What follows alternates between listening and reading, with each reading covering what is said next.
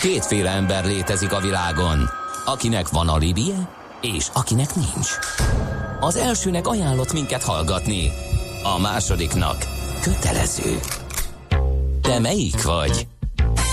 Millás reggeli, a 90.9 Jazzy Rádió gazdasági mapetsója.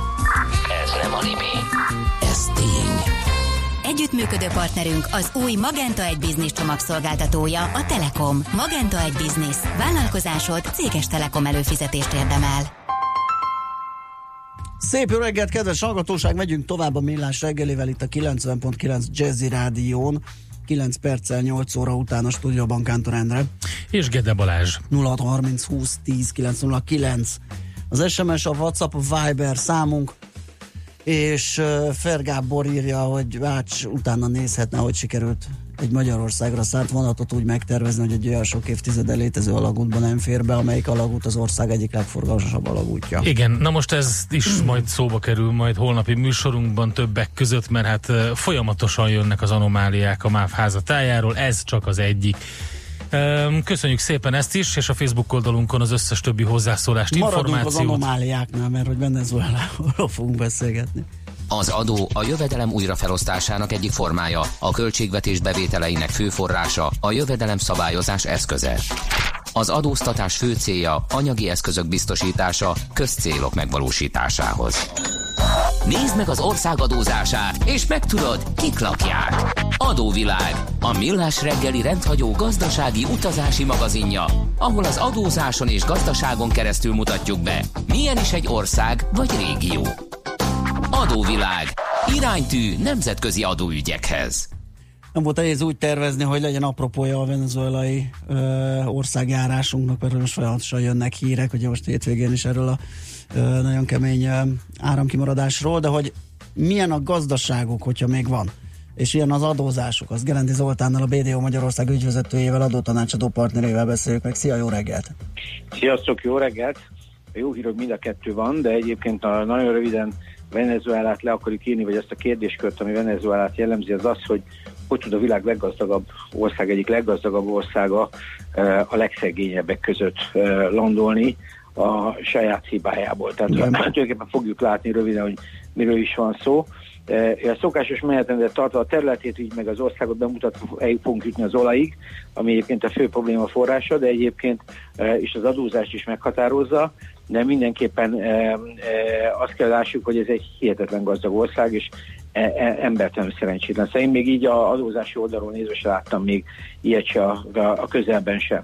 Tehát ez egy 916 ezer négyzetkilométeres ország, tudjuk, hogy e, Dél-Amerika e, északi e, pontján van, e, gyakorlatilag 31 millióan lakják, és e, hát gyakorlatilag azt lehet mondani, hogy egy rendkívül változatos földrajzi adottságok rendelkező ország, legmagasabb hegye 5007 méter, ezt a Pico Bolivárnak hívják, itt mindenként Bolivár, mert Simon Bolivárhoz kötődik a, a, a, a, ennek az északi régiónak a teljes felfedezés, nem is felfedezés, hanem függetlenítése, a, erről még egy fél szót majd beszélünk utána, de ami lényeg, hogy itt van az Orinoco folyó, ami szintén egy híres folyó, ide érkezett be ennek a torkolatához a Kolumbusz Kristóf 1498-ban, ez volt a harmadik útja egyébként, és szerintem azért is ragadtak itt, mert aranyat találtak itt, ami jócskán van nekik.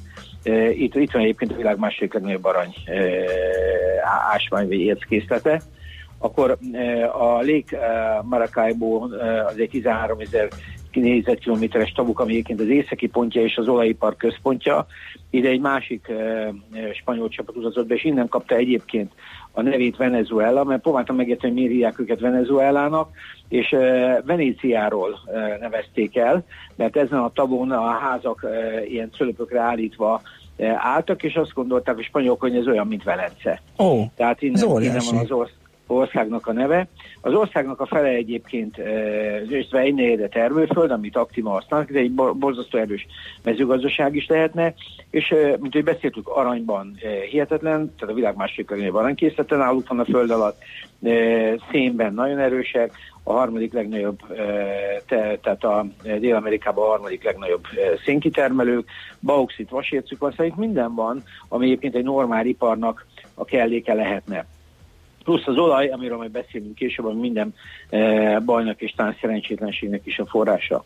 Tehát a, a Kolumbusz után gyakorlatilag e, spanyol gyarmat volt, és e, azt, azt lehet rám mondani, hogy 1811-ben szerezte vissza a függetlenségét, Simon Bolívar segítségével, aki egyébként venezuelai volt. Én nem tudtam, hogy ő mekkora léptékű ember volt. Néhány adat arról, hogy, hogy az ő tevékenysége a 19. század elején e, milyen nagyságú volt. Ő 472 csatát vívott meg, ütközetet e, vívott meg, közel 120 ezer kilométert meg ló, e, lóháton, ami azt jelenti nem azért, mert bolyongott, hanem ezeket a hadműveleteket és ezt, a, ezt, a, ezt az egész észak, tehát a dél-amerikai északi részét, vagy közép-amerikai részét függetlenítette. Ez azt jelenti tízszer több, mint amit Hannibal megtett, de kétszer több, mint, mint Nagy Sándor, vagy háromszor több, mint amit Napóleon az életben megtett. Úristen. Tehát, hogy lássuk azt, hogy ez, egy, ez, ez a Simon Bolivár, amelyik, amelyikről országot is neveztek el, talán az egyetlen ma a Földön, mert Rodézia az már nincsen. Ő, ő volt az, aki a függetlenséget is kiharcolta. Na most gyakorlatilag azt kell tudni, hogy, és a pénzemük is Bolivár, bár ez most már egy igazából egy, egy komoly, komoly probléma nekik. Na most átérve az olajiparra, azt kell tudni, hogy, hogy a, a, e, az igazi probléma az egész adóz, adózás, az egész ország fennmaradásával az az, az, az olajkészlet. Az olajkészlet gyakorlatilag a világ legnagyobb olajkészlete, tehát ez 300 millió, 300 ezer millió hordónál több, gyakorlatilag is megelőzik Szaudarábiát, bárkit a világon. Hozzá kell tenni, hogy a, a finomítási képességük is nagyon jó, tehát itt nem arról van szó, hogy, hogy, hogy ők nekik ne lenne technológiájuk. Gyakorlatilag a világ legnagyobb finomítói közül az egyik, az egyik legnagyobb finomító, sőt azt hiszem a, a második, a második legnagyobb finomító az náluk van, Eh, amelyiket a PDVSA, ez az ő állami olajcégük viszi, mm-hmm. szintén, tehát gyakorlatilag ők tudnának olajat termelni, és tudnának megélni, de mégse tudnak megélni belőle. Most a politikát majd Botond elmondja, de a lényeg az annyi, hogy a, a, gyakorlatilag a PDVSA egy állami cég, amely 76-ban az egész olajiparukat államosították, és amely azóta hát több-kevesebb sikere volt nekik egy jó évük, de igazából Chavez óta e, eléggé szerencsétlenül gazdálkodik. A politika több szempontból betette ide a lábát.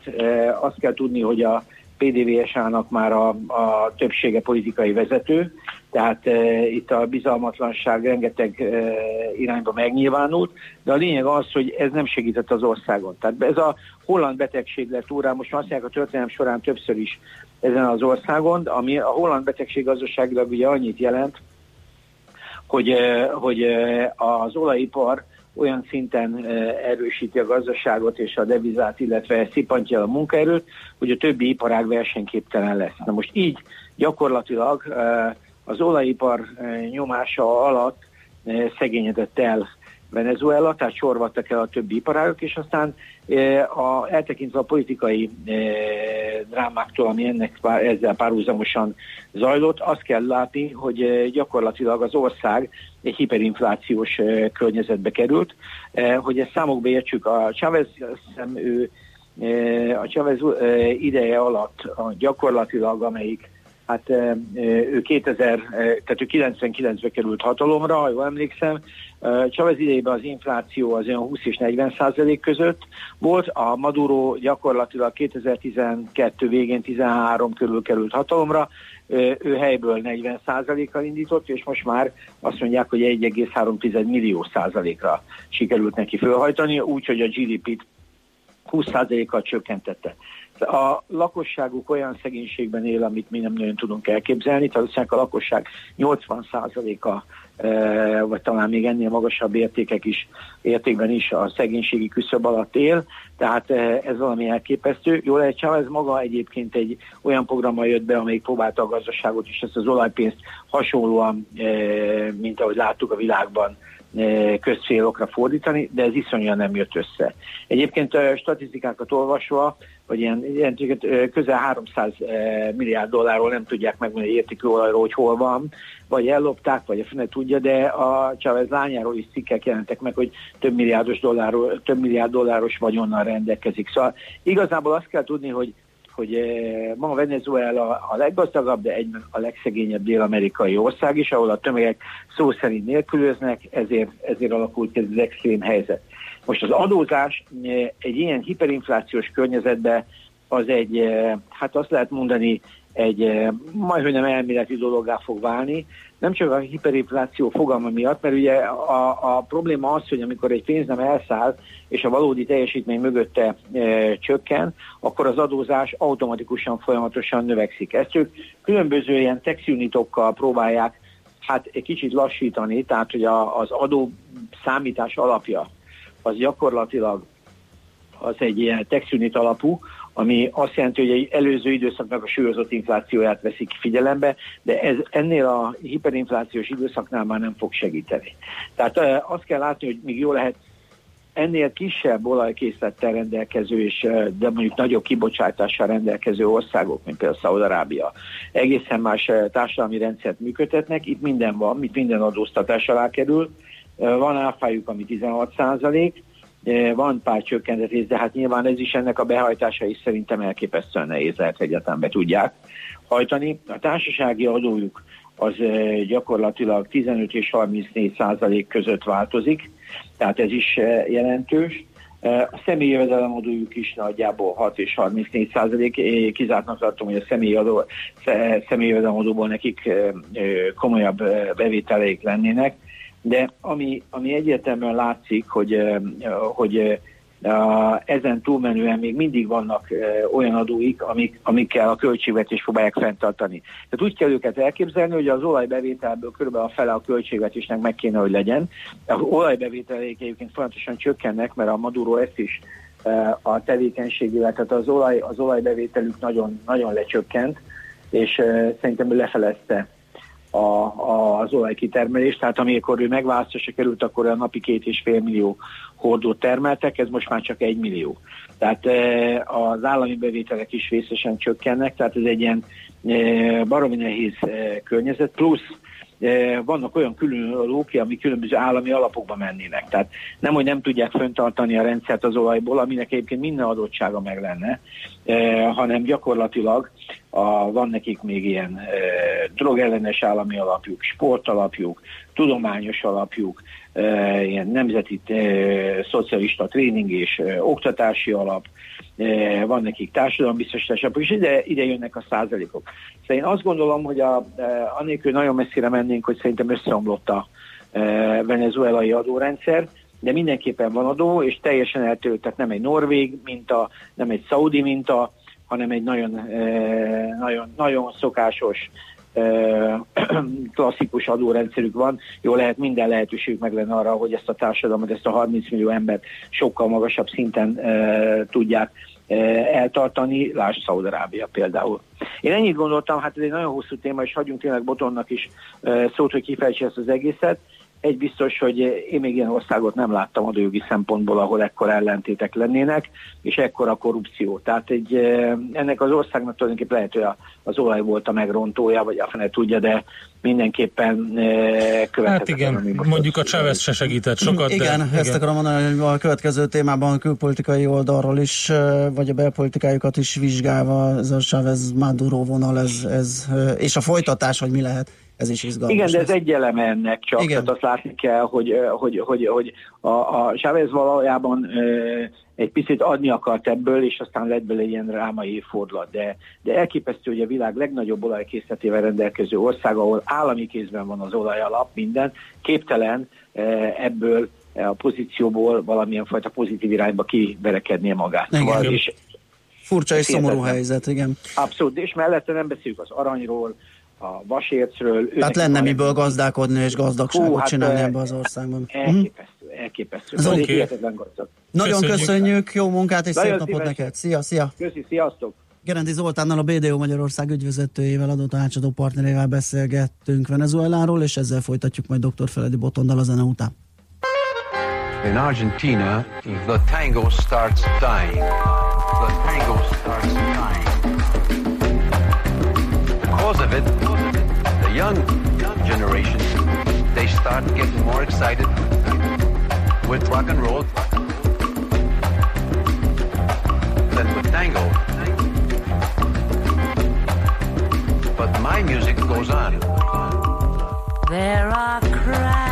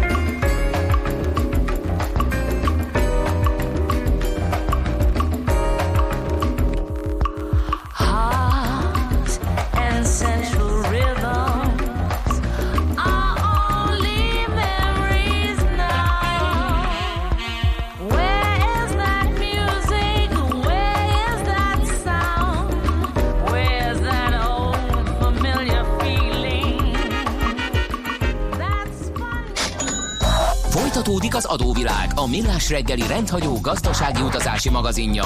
Nézd meg egy ország adózását, és megtudod, kik lakják. Adóvilág. Iránytű nemzetközi adóügyekhez. Dr. Feledi Botont külpolitikai szakértő a vonalban. Szervusz, jó reggelt kívánunk! Jó reggelt! Szia, jó reggelt! És hát pfú, nem is tudom, hogy hol kezdjük a venezuelai összefoglalót. Talán a legfrissebb az, hogy nyilván gazdasági és politikai dolog is, de ugye um, állampapír szinten defaultoltak, a, Deutsche Bank pedig aranyba hajtja be a számlát, tehát egy ilyen gold default swapot hajtottak végre, szakkifejezése, vagy hajtanak folyamatosan, tehát az aranytartalék egy része az oda megy a tartozási lokak betömésére, de hát azért itt elég sok mm, és nagyon komoly helyzet van, elég sok botrány és, és nagyon durva helyzet. Így van, gyakorlatilag az aranytartalékáról beszélgetünk most már az elmúlt hónapokban. Mindenki egy picit arra hajt, hogy valamit még ebből lásson. E, állítólag ugye az oroszok is e, nagyobb mennyiségű aranyat mozgattak meg Maduro kedvéért. A helyzet eléggé e, kiszámíthatóan ciklikus, vagy legalábbis mi elemzők abban, e, hát az tudás, hogy bízunk, attól félünk, hogy itt is a szokásos venér ciklus zajlik. Ez azt jelenti, hogy itt Zoli bemutatta a kontinens elmúlt néhány évtizedét, hogy Venezuela egyébként mielőtt az olajat megtalálta, az kávé nagyhatalom volt, de a kávé bevételeket ugyanúgy el tudta kótyavetélni, mint ahogy most az olajbevételeket kótyavetélik el. Tehát nagyjából 200 éve, amikor a spanyolokkal szemben kivívta a függetlenségét, már akkor um, gyakorlatilag földes urak voltak azok, akik az országot uralták, és ők egy ilyen csákmáté kiskirályok jellegű rendszerben üzemeltették az országot, néha egyikük másikuk fölülkerekedett, és akkor éppen ő vásárolta meg a többiek lojalitását. Na és ez az a vásárlás, ami mindig egyre drágább. És valahogy ez az, ami a mai napig tart, egy ilyen reálisan erősen megosztott országban történelmi hagyományokkal nézve is elképesztően szétdarabolt, befolyásos régi családokkal tarkítva, ez a mai napig folytatódik, és jól látható módon mindig az történik, hogy az uralkodó kormányzat bármennyire is um, kedveli a katonákat és a katonaságot, megpróbálja őket kifizetni, és ez előbb-utóbb valamilyen világgazdasági gond miatt nem sikerül neki, legyen az a kávé ára, vagy pedig az olajára. De Chávez ugyanígy megpróbálta bevásárolni a, a katonákat, részben azért, hogy ezzel a belső ellenzékét ugye púrázon tartsa, a katonaságot pedig érdekes módon a saját katonáit a kubai titkosszolgálattal állítja sarokba. Ezt egyébként most is megfigyelhetjük, ahogy a ellenzéki vezető Juan Guardio nyilatkozik, hogy hát azért itt a kolumbiai és a kubai jelenlét az országban már így is bőven megvan. Itt a kubai vonalon abszolút a titkosszolgálatra gondol, hiszen egyébként nekik se érdekük, mármint Kubának és Havannának, hogy Venezuelában adott esetben rezsimváltás legyen. Úgyhogy ez a ciklus zajlik most, Maduro is annak idején kinevezett rengeteg fontos katonai vezetőt, a Chávez Maduro rezsim is elnézte azt, hogy gyakorlatilag a katonaság részt vesz a drogkereskedelemben, az energiaszektor irányításában, ugye ez, amiről Zoli is beszélt, hogy az olajcég irányítását gyakorlatilag már a, a bátladonek részeken, tehát a legkritikusabb pontokon is átengedték lojális embereknek a szakértők helyett, és ezzel aztán maga a cég és a cég bevétele is elkezdtek esni. E, Ha nézzük az olajimportot, hogy kik vittek el olajat Venezuelából, a legfontosabb partnerek az USA-val az élen, e, ezt az elmúlt években rohamosan csökkentették, de még India és Kínának is esett a venezuelai e, olajszállítása. Úgyhogy hát azt is mondhatjuk, hogy az elmúlt 200 évben 27 alkotmánya volt az országnak. Uh-huh. Tehát arra, hogy itt tartós intézményi építés és intézményi bizalom megalapozás történjen, uh, hajszányi esély sem volt. Um, 40 éve volt többé-kevésbé demokratikus az elmúlt 200-ból. Um, hát talán ismerünk még ilyen sorsú országokat itt Közép-Kelet-Európában. Tehát egyszerűen nem, nem szokták meg a, a, a azokat az intézményeket az emberek, amikre ilyenkor, ilyen esetekben támaszkodhatnának, és eléggé eh, el nem ítélhető módon, de az ellenzék is teljesen fragmentált, eh, mivel mindig megpróbálnak megegyezni, hogy mi legyen akkor, amikor megbuktatják a félkatonai katonai diktatúrákat, eh, ez a legritkább esetben sikerül. Van egy provizorikus jellegű felvetésem ezzel kapcsolatban, ugye Zoli is megkérdezte, és nincs válasz, hogy hogy lehet az, hogy, hogy ahogy nézzük, a Dél-Amerika egyik leggazdagabb országa lehetne, a világ legnagyobb kőolajtartalékán ül, és mégis egyik legszegényebb ország. Ugye, hogy nem lehet az botont, hogy itt folyamatosan le- lehetett látni, hogy van ez a, ez a kincs, és nem csak az olaj, de sok minden más is. És gyakorlatilag mindenki meg akarta kaparintani, így alakult ki ez a jelenlegi status quo. Mm, hát azért, ha a kontinens történetén végignézünk, és ezt valaki ilyen nagyon-nagyon meg akarta volna kaparintani, hogyha most külső hatalmakra gondolsz, akkor Hát az külső, belső, volna. mindenki. Tehát, hogy ott volt ez a konc, mindenki ráment, aztán senki nem lett, és most ott állnak rajta. Um, hát az, hogy, eh, hogy ez a kvázi földesúri rendszer nem engedi ki ezeket, és abszolút beszedik a- nem az adót, hanem minden más, amit be lehet szedni, legyen az olajbevétel, drogbevétel vagy más csempészés. Eh, Ebben ez működik, így van, és viszont annál meg jóval nagyobb az ország, mint hogy itt egy vagy két ilyen úr legyen, aki aztán hosszú távon megengedheti magának, hogy egy jó uralkodóvá válik. És, és hát ebben azért uh, ugye az is mindig egy izgalmas kérdés, hogy ők a csendes óceáni eléréssel annyira nem rendelkeznek, uh, tehát azért ebben ki vannak szolgáltatva. Um, ugye itt megint kérdés a technológia, gondoljunk vissza, hogy azért az orosz-amerikai konfliktus szankciós listája nem kis részben arról szól, hogy az oroszokat hogyan gápolják meg az olajkitermelés és gázkitermelés fejlesztésében, beruházásokban, pénz, eh, hitelszerzésben az ilyen műveletekre. Ez nyilvánvalóan itt is eh, remekül működött. És az elmúlt évtizedekben pedig tényleg, mint a 99 óta, amióta Chávez megszerezte a hatalmat, azóta azért Kubával egy ízen mozog ez a történet. És ez eh, ez azért szintén nem erősíti a, a mostani geopolitikai pozícióikat. Úgyhogy eh, hát valahol egy, eh, egy nagyon szomorú történet ez, hogy, hogy nem sikerül. Ugye az ellenzéki vezetőnek a testvérét is már eh, megfenyegették és elhagyta az országot, hogy nehogy eh, elfogja őt a rendszer, ahogy a kabinetfőnökét pedig be is zárták. A, az, aki kiáltott ellenzéki vezetőnek, aki ugye elvileg már el is lett ismerve több ország által, de csak hogy érezzük a színeket és, eh, és különbségeket, ugye miközben az egész EU többsége és a, a fejlett nyugati világ többsége az Egyesült Államokkal Maduro helyett már eh, Guaidót ismeri el, addig eh, érdekes módon van egy NATO szövetséges Törökország, aki Maduro mellett tart ki, és az Egyesült Államok déli szomszédja Mexikó sem állt bele ebbe a történetbe. Eh, Tehát, hogy itt még a világ is kellően megosztott, eh, és mindenki kihasználja, és ez talán a, a másik fele a válasznak. a Igen, másik, igen. Hogy kihasználják, hogy igen. kihasználják ezt a konfliktust. Tehát, hogy Kína is örül, hogyha itt egy kicsit a, a Washington és Latin Amerika viszonyát lehet rombolni ezzel. Az oroszok örülnek, hogyha itt is egy kicsit megszeszhetnek és izmozhatnak. Igen, meg addig jó, amíg az olaj ott van a földben, mert addig nem rontja a mi pozíciónkat. Amerikának Addig- is jó ez, oroszoknak is jó ez. mások is elvihetik majd később, nem romlik meg. Tehát ilyen szempontból sajnos ez, eh, ez meg egy eh, hát nagyon távoli hasonlattal az ukrán konfliktusra hasonlít, hogy az ukrán emberek és a venezuelai lakosság érdekli azért itt a szereplőket a legkevésbé. Em, És Hát akik, a saját akik elképesztő körülmények között ugye élnek. És hát amikor a brazilok azt mondják, hogy nem engednek csak brazil segélyeket be, és Mhm. az, hogy ország, tehát még Brazílián keresztül az USA se szállíthatott segélyt, egyébként Kolumbián keresztül vitték végül. Ez mutatja azt, hogy a szomszédaival is milyen borzasztó viszonyban van Venezuela, és a szomszédai is mennyire gyanakodnak rá. Tehát a brazilok se szeretnék, hogy, hogy kihasználják azt, hogy eh, esetleg onnan viszik el a, a em, különböző segélyeket, vagy hogy odaérkezzenek a menekültek. Ugye itt már nagyságrendben 4 millió emberről beszélgetünk, akik elhagyták az országot. Igen. Pont akartam mondani, ugye kolumbiai, ha, ha, hát szóval érdekes, hogy szombattól ugye, nem, ez, ez még régebbi cikk volt, ugye, de, de körülbelül két hete volt, hogy megnyitották a kolumbiai határt az ország nyugati részén. Így van, de hogy, eh, de hogy de Brazíliának itt még területi problémái is vannak, mert az az észak-brazil tartomány, hogy Venezuelával határos történetesen annyira el van vágva Brazíliától az Amazonas miatt, hogy a venezuelai elektromos hálózaton keresztül jut áramhoz. Tehát, hogy itt elképesztő összefüggések vannak még abban, hogy a szomszédok is miért feszülnek be ezen a történeten. Ugye a kolumbiai venezuelai határon most volt incidens, kolumbiaiak leküldtek katonai helikoptereket, miután a venezuelai hadsereg valamiért átment, tehát nyilván megint valami blokkszállítmány ügy lehetett, vagy egyéb csempészet történet. Um, és, és hát ebben egyik ország sincs felkészülve, már sem a brazilok, akik egyébként a menekülteket érdekes módon, hogy ne az északi tartomány, északi határ mentén kezdjenek el gyülekezni, elkezdték délre szállítani nagyvárosokba, eh, abszolút a tengerparti részen, hogy szétszórják a menekülteket, és ne legyenek konglomerátumban. Uh-huh. Eh, Tehát ilyenre figyel a brazil állam.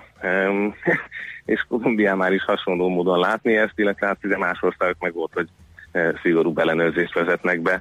Úgyhogy eh, hát nagyon nem idégyelhetjük őket ezért, hogy, eh, hogy hogyan fogják végigvinni ezt a rezsimváltást, és hogy vajon igazából pont amivel vádolják az usa hogy beavatkozik, ez az, ami nem érkezik. Tehát persze elismerik meg, Mike Pence beszélget telefonon az ellenzékkel, azt nem tudom, talán most nem hangzott még el, hogy ugye Norvégiában az ellenzék és a Maduro rezsim tárgyalnak. Tehát ugye Norvégia hozta össze a másik békét is a Kolumbiában, a Kolumbiában. A Bogota és az ellenállók között, eh, ugyanígy most a norvégok vállalták, közvetítenek az ellenzék és a venezuelai kormány között. Több forduló volt, eh, de még nincsenek eredmények. Eh, Ugye ez múltkor is a bogotai esetben is négy évig tartott. Tehát, hogy zajlik itt rengeteg kísérletezés, az USA részéről is, így akkor európai szereplők részéről is, de hát egyelőre azon, azon se tudunk megegyezni, hogy, hogy ki és honnan vihet be humanitárius segélyt az országba. Igen. Hát kegyetlen szituáció, figyeljük az eseményeket, és nyilván jönnek mindenféle hírek, úgyhogy majd beszélünk akkor róluk, amikor a legaktuálisabbak vannak. Köszönjük szépen, Botond, szép napot neked, jó munkát! Nektek is hallgatóknak szia. is. Dr. Feledi Botont külpolitikai szakértővel és korábban Gerendi Zoltánnal, a BD ügyvezetőjével néztük át azt, hogy mit tudunk elmondani Venezueláról, adóvilágrovatunkban itt jártunk. Adóvilág, a millás reggeli rendhagyó gazdasági utazási magazinja hangzott el, ahol az adózáson és gazdaságon keresztül mutatjuk be, milyen is egy-egy ország vagy régió. Adóvilág, iránytű nemzetközi adóügyekhez. Műsorunkban termék megjelenítést hallhattak. A lakosság nagy része heveny mobilózisban szenved.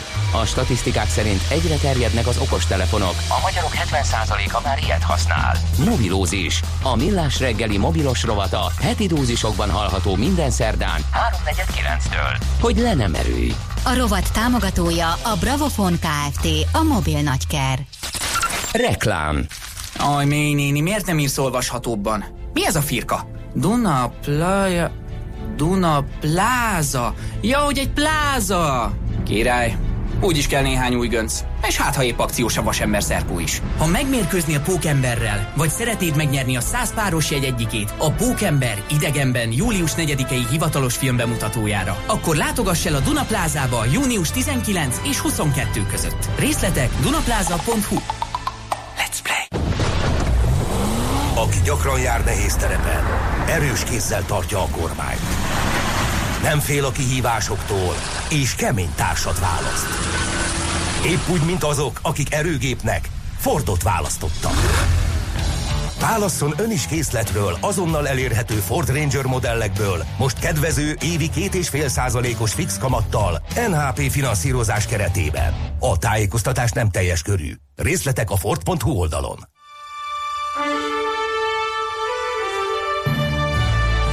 Új városnegyed születik az Óbudai Dunaparton. A Big George Property legújabb fejlesztése. Új lakások bevezető áron június 30-áig. I love Waterfront City. vfcity.hu Reklámot hallottak. Rövid hírek a 90.9 Jazzin. Az országgyűlés a jövő héten öt napos üléssel folytatja munkáját. A képviselők szerdától péntekig összesen akár több mint 30 órában tárgyalhatják a kormány 2020-ra szóló költségvetési javaslatát. A pénzügyminiszter nyitó beszédét az állami számbevőszék és a költségvetési tanács elnökének felszólalása követi. A kormánypárti és az ellenzéki képviselőknek összesen 900-900 perc áll rendelkezésükre, hogy véleményt mondjanak a javaslatról. Marga Mihály 4%-os gazdasági növekedéssel, 1%-os GDP arányos költségvetési hiányjal, a GDP arányos államadóság további évvégére 67%-ra történő mérséklődésével, valamint 2,8%-os inflációval számol. Átalakításokra lesz szükség, hogy jövőre úgy tudják használni az emeletes vonatokat, ahogy tervezik. A Magyar Nemzetnek a cég vezérigazgató helyettese Kormányos László azt mondta, átalakításra lesz szükség, hogy ezeket a vonatokat el tudják vinni a déli pályaudvarra és Kőbánya Kispestre, mert a motorvonat 31 centivel magasabb, mint a most használt Flirt, ez pedig azt jelenti, hogy a Kelenföld és a déli között lévő alagútba most nem férne be.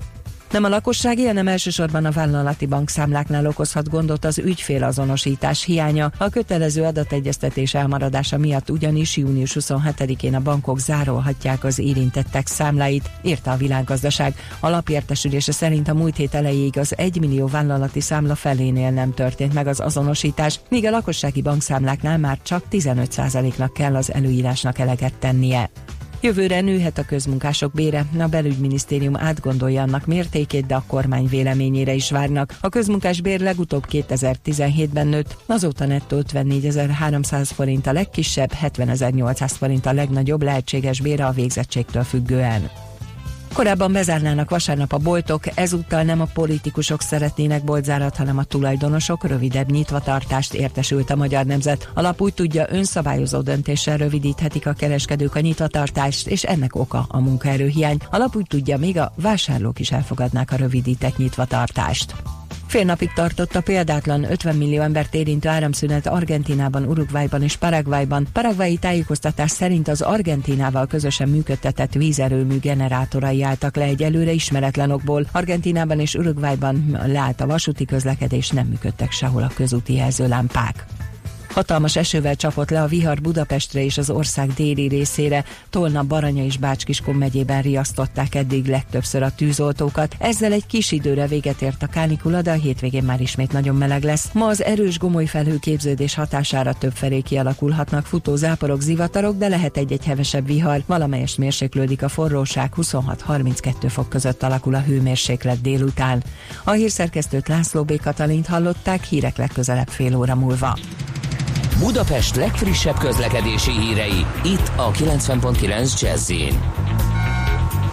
Budapesten torlódásra számítsanak a Nagykörúton a Blaha tér és a Boráros tér között, a Bocskai út, október 23-a utca, Irinyi József utca, Petőfi híd útvonalon, a Mester utcában befelé a Vágóhíd utcától, illetve a Haller utcában a Nagyvárad tértől. Erős a forgalom a Váci úton a Fóti úttól az Árpád útig, az Üllői úton az Ecseri úttól a Nagyvárad térig, az M5-ös autópálya bevezető szakaszán az autópiactól, a Soroksári úton befelé az Illatos úttól. Telítettek a sávok Csepelen a második Rákóczi Ferenc úton, az m 0 autóútnál, illetve a Weiss Manfred út, Kvassai Jenő út útvonalon is. Elkezdődött a Nagykörúton a villamos pálya felújítása. Nyár végéig a Boráros tértől a Csepregi utcáig, illetve a Csepregi utcától az Üllői útig buszsávot jelöltek ki, akárcsak Budán az október 23-a utca, Irinyi József utca útvonalon is. A 4-es és a 6-os villamos helyett pótlóbuszokkal lehet utazni a Korvin negyed és a délbudai végállomások között. A Korvin negyednél az idéglenes peront megközelíteni és elhagyni, csak a Pál utcai gyalogátkelő helyen át lehet. Nyesőné Vas Gabriella, BKK Info. A hírek után már is folytatódik a millás reggeli, itt a 90.9 jazz Következő műsorunkban termék megjelenítést hallhatnak.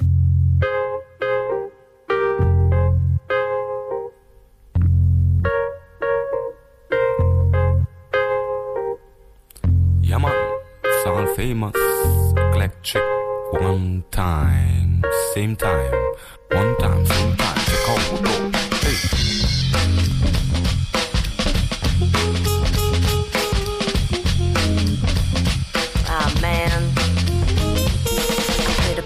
My tiny fit right into tomorrow. I'm engaged to my music, so I still don't got a daughter. Enraged when I see the kind of horror that awaits in all the future. I see it on the news every hour. Our plague is that we don't have the power to change us, so we cower, hiding in the arms of our lover. Recover, time for licking wounds is over. We can achieve our dreams. Come see we tower. Our petty little deals we should never ever bother. Have a high purpose and name, so we for shower in the fresh new rains until from now to forever. Small baby, this will be the day you feel your power. Rise and captivate with your words and aim higher. A truth you are to talk, never never called a liar. Learn whole lot from your mother and your father till the day we shall die. We shall all live forever. Don't die, don't die. I live right now and I live on forever. Don't die, don't die. I call yourself good and I call yourself clever. Don't die, don't die. You should live right now from now until forever. Don't die, don't die. Call yourself true and call yourself clever. Are you still here still? Oh, getting on the thing, don't need your pill. That's how we do it, electric like a drill, going right through with the crew. Yo, them why then we slow. Who never understanding the way of life.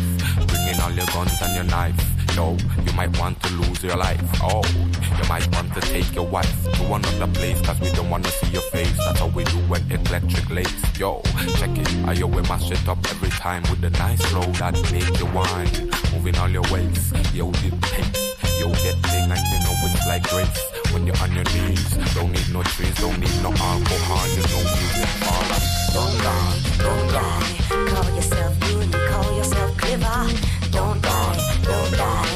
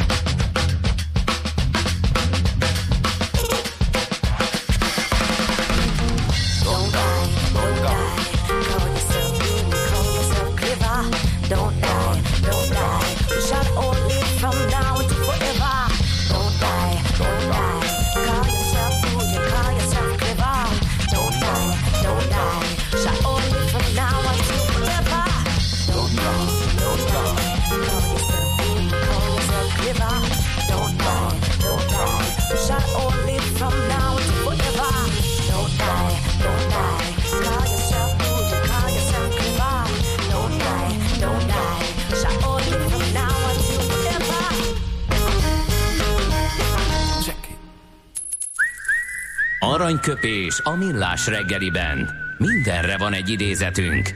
Ez megspórolja az eredeti gondolatokat. De nem mind arany, ami fényli. Lehet kedvező körülmények közt gyémánt is. Egyik mai születésnaposunk a kiváló holland, hát festő, grafikus, nyomatkészítő, Meg ilyen gondolkodó, tehát Gondolkodó, majd, majd elmondom, hogy miért érdekes az. Maurits Cornelis Escher azt mondta egy alkalommal, a lehetetlen csak azok érik el, akik megpróbálkoznak a képtelennel. Igen, egészen jó gondolat, és nagyon jól illik ezekhez a rajzokhoz, amiket ismerünk. Itt, amit közzétettünk a Facebook oldalunkon, ugye, az egyik ilyen érdekes lépcsősor, amit lerajzolt. Többen írták a kedves hallgatók közül, hogy Roxford, Harry Potter és társai, ugye ott volt hasonló ö, ilyen lépcsősor, amit ö, nyilván Esertől kölcsönöztek. És azt is írta egy másik kedves hallgatónk, hogy tudja javasolni a múzeumát Hágában, jól felépített és látványos, hát ezt simán el tudom képzelni, úgyhogy egy újabb olyan pont a bakancs listára, amit érdemes megnézni Hágában, tehát az Escher Múzeum, és amit ö, nagyon ajánlanék, képzeld, de volt egy olyan könyv, amin nem tudom hány évi várólistán voltam uh, antikváriumokba, és soha nem került elő.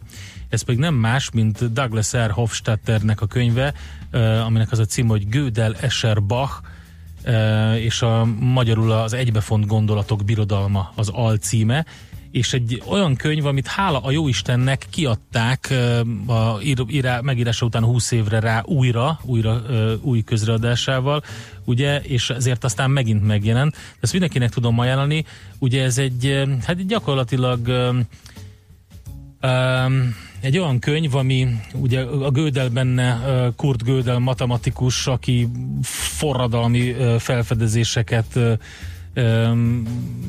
köszönhet neki a matematika, és nyilván Bach és, és Escher gondolatvilágát, a zenét, ezeket a, ezeket a meglátásokat, ezeket az érdekes dolgokat, mm. amiket Escher uh, rajzolt, és amiket Gödel uh, a matematikában felfedezett, ezeket fonja valahogy egybe ez a könyv, és egy ilyen érdekes, ilyen uh, tudományos ismeretterjesztő mű, de közben egy ilyen érdekes, ilyen uh, szellemi, filozófiai skifi is egyben, hogyha lehet így fogalmazni, tehát nagyon ajánlom aki nagyon tartalmas olvasmányt akar e, nyárra, tehát Gödel, Escher, Bach, egybefont gondolatok birodalma. Aranyköpés hangzott el a millás reggeliben. Ne feledd, tanulni ezüst, megjegyezni arany. Hamarosan jövünk uh, a piaci hotspot rovatunkkal, körülnézünk, hogy mi történik uh, a világ uh, nagy piacain, illetve milyen papírokat érdemes figyelni. Vannak-e új közlekedési Vannak. infók? Azok, nem tudom, mindjárt megnézem, de a Ja. házi trollunknak az jutott eszébe, ami nekem a zene alatt, hogy akkor miért nem zárnak be a boltzárat, akkor a tulajdonosok miért akarják bezáratni a többi boltot.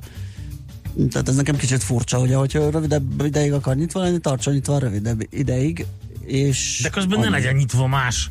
Akkor versenyhátrányba kerül. Ja, ja, Érted? hát az, aha. Na. A, jó reggelt, a Pöszörnyi úton még nem kezdődött el a szünet. Mindenki itt torlódik, írja Viktor hallgató, tehát mindenki átment a Böszörményi útra ezek szerint, és ott próbál torlódni egy jót. Reméltem, hogy az iskola végeztével csökken a forgalom. Tévedtem. Kispest Budaörs a városon keresztül 1 óra 10 perc írja egy másik hallgató. Um, aztán okay. egy következő pedig azt írja a nyitvatartás kapcsán, a globális felmelegedés miatt megfontolnám a mediterrán munkarendet. Hát már amennyiben, igen, szóval, én nem biztos, hogy én megfontolnám, mint vásárló, de ez a, én, a, én a másik oldalán állok ennek, ezt hozzá kell szokni először. Igen, pontosan. Uh, aztán uh, jó reggelt, azt hiszem kijelenthetjük, hogy a Budafoki út eleje oda-vissza elesett. Szép napot kívánva írta ezt Z. Mi is szép napot kívánunk neki. 0630 20 10 909 a Viber, a WhatsApp és az SMS számunk.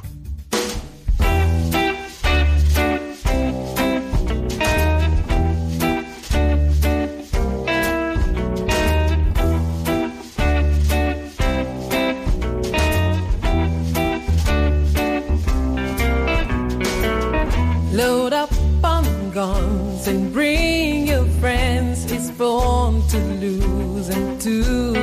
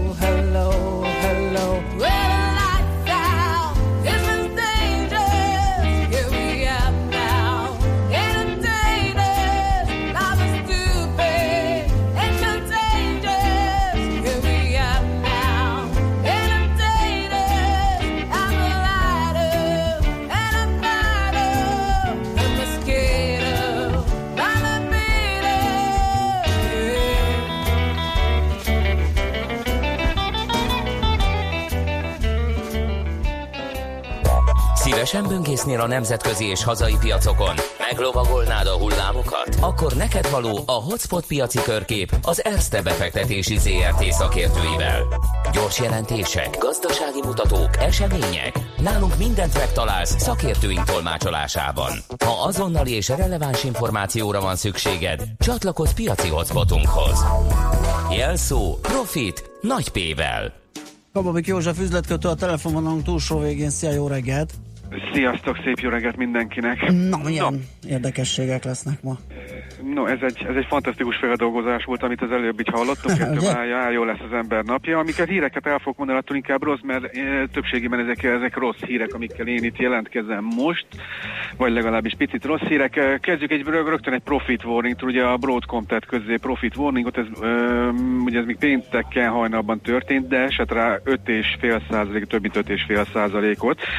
Uh, és ugye ez azért, ugye chipgyártó, uh, ugye profit figyelmeztetés adott ki, méghozzá azt mondta, hogy a 2019-es árbevételi várakozását a korábbi 24,5 milliárdról 22,5 milliárdra csökkenti, és hát ennek hátterében nyilván mi áll a kínai kereskedelmi konfliktus, és azon belül is, ami érdekes, ugye hogy ez visszaveti a gyártó termékei iránti keresletet, mert a termékeinek a felét Kínába adta el, és annak meg jelentős részét pont a Huawei-nek, akit ugye oh. a USA üldöz, tehát hogy, hogy itt azért itt van a visszacsatolás. Egyébként jó adatokat tett közé, Május 5-ével záruló negyed évben a várt 5,15 dolláros részvényenkénti profit helyett 5,21 dollárt ért el, ami azért komoly e, javulás, de hát ennek azért nem, nem örültek már, az, még a piacnyitás előtti kereskedésben 8%-os mi- mínusz mutatott az árfolyam, végül így egyébként csak ö, 5,5%-os mínuszban 265,9-en zárt. Hát ugye neki 197 és 323 között volt az árfolyam az elmúlt egy évben, áprilisban történelmi csúcson volt, ha jól láttam én ezt 323 körül, és hát onnan esett vissza. Egyébként ugye ez, ez meg minden összefügg mind- mindenne, ugye Kína még pénteken nagyon durván 13,2-ről 61 ra emelte, amerikai import esetében meg 148 ra emelte a varrat nélküli csövekre és vezetékekre kivetett dömping ellenes vámjait, tehát hogy azért mit, mit, mit, mit egyre inkább megyünk bele ebbe a kereskedelmi háborúba, és csak egy mondatban, hogy most már India is beszáll, Igen. 28 amerikai import termékre vett ki, közöttük mogyorófélék, lencse, alma, teszi mindezt azért, mert, mert az Egyesült Államok most már ö, több hónap, illetve elkezdte korábban, és már nem biztosítja a, a, a kedvezményt, a, vagy vámmentességet az indiáknak, és akkor ők is gondolták, hogy akkor most beszállnak az a biztos, tehát ez egyre, egyre, egyre nemzetközibb, és ö, egyre, egyre szélesebb ez a dolog. Emlékszem, ugye január-február körül azért emelkedtek a tőzsdik többek között, mert egyrészt évvégén nagyot estek, másrészt meg azért, mert már azt mondta Trump, hogy már olyan jól haladnak a tárgyások, hogy már szinte Wordbe írják be éppen a megállapodást, már szinte készen Mhm. vagyunk. Most ehhez képest Látszik. tartunk ott, hogy, hogy minden éppen, tehát most már valóban, Mhm. valóban van. No, ö, hát és akkor megint egy profit warning, és ez most már innen Európából a Lufthansa tett közzé ö, profit warningot. Ö, 2019-re most már csökkenő ö, ebittára számít. Ö, nem volt nagyon-nagyon részletes indoklás, de a lényeg az, hogy főleg a német-osztrák piacon ö, ott, ott szenvednek majd hát most ott lesz a legnagyobb visszaesés ilyen szempontból. Hivatkoznak a csökkenő jegyárakra, az erősödő versenyre. Ilyet már hallottunk az elmúlt néhány hétben talán más repülőgépgyártóktól is. Ö, Még akkor is, hogyha ugye mostanában azért csökken az olajár, az meg valamennyit segíthet nekik. Ö, 17,69-en zárt, 1,2%-ot esett. Ugye hát az elmúlt egy évben 17 és 24 között volt ő, és jön visszafelé a, a, a, a, az éves minimuma közelébe, ugye még április közepén 22,5 eurón volt. És hát uh, Deutsche Bank, hát ez sem lesz olyan fantasztikus hír, de nem is olyan rossz, mint ami szokott. Financial, Times információja szerint a Deutsche Bank hamarosan meg fog válni az Európán kívül ilyen rész, részvény és kamat uh, üzletágától. Ugye folyamatosan tisztítja a portfóliát, egyrészt, hogy legyen normális megtérülésre, e, másrészt pedig ugye korábban olyan nagyra nőtt, hogy ebből vannak leginkább a Deutsche Banknak a, a problémái, az is 6,027-en zárt, 1,25-öt esett, e, hát az is az éves minimumához van közel, és még nagyon röviden a végén szintén, szintén átkor Németországból. E, ugye az sem jó hír, hogy a Volkswagen már ilyen 1,7-1,8 milliárd eurót költött el a dízel botránnyal kapcsolatos jogi költségekre, tehát ez nem az autók visszahívása, javítatása, karbantartás, ez mindössze a jogi költség. Kicsit visszatérek a Deutsche Bankra, ott szokott magas lenni a jogi költség mostanában. botrányokkal kapcsolatban, és most a, akkor így rá tudjuk kötni a Volks- Volkswagennek is ez így elég eh, komoly dolog, pláne, hogyha negyed évente 3 milliárd eurós eredményt eh, csinál, eh, ennél nagyobbat tudna, hogyha nem lennének ezek a jogi költségek, és még, még egyszer mondom, ezek csak a jogi költségek. Egyébként még annyi hír azért van a Volkswagennel kapcsolatban, hogy hogy júniusban tőzsdére megy majd a teherautó üzletág, ugye ez a Traton nevű cég, ebben van a MAM meg a, a, meg a Scania, ezt fogja tőzsdére vinni, ilyen 27 és 33 euró között határozták meg a, a, az ársávot. Egyébként ott nem le, csak, csak elad részvényeket, uh, 10-11,5 százalékot vinnének tőzsdére ebből a, ebből a cégből, és egyébként másfél-két milliárd euróhoz jutna a Volkswagen ennek kapcsán. Ugye a fejlesztésekre, uh, különösen az elektromos autózás terén rengeteg pénzre van szükség, úgyhogy ezt szerintem nagyon-nagyon helyesen csinálja. Uh, és még annyit, hogy szintén a fejlesztések terén most már nagyon úgy néz ki, hogy a Forddal uh, fognak uh, szerződést aláírni, szintén elektromos autók, önvezető autók tekintetében, és egyébként a hatékonyság növelése tekintetében, tehát egy együttműködést fognak valószínűleg a Forddal aláírni, ezt ugye Herbert Diss jelentette be felsővezetőknek, tehát Volkswagen felsővezetőknek, úgyhogy ennyi a Volkswagen kapcsolatos összes hír. Jó, jó van. Jó, Oké, okay, nagyon köszönjük köszönjük, jó munkát, jó kereskedést már. Nektek is jó munkát. Szia. Sziasztok! Kababik József üzletkötővel néztünk át egy pár fontos piaci hírt.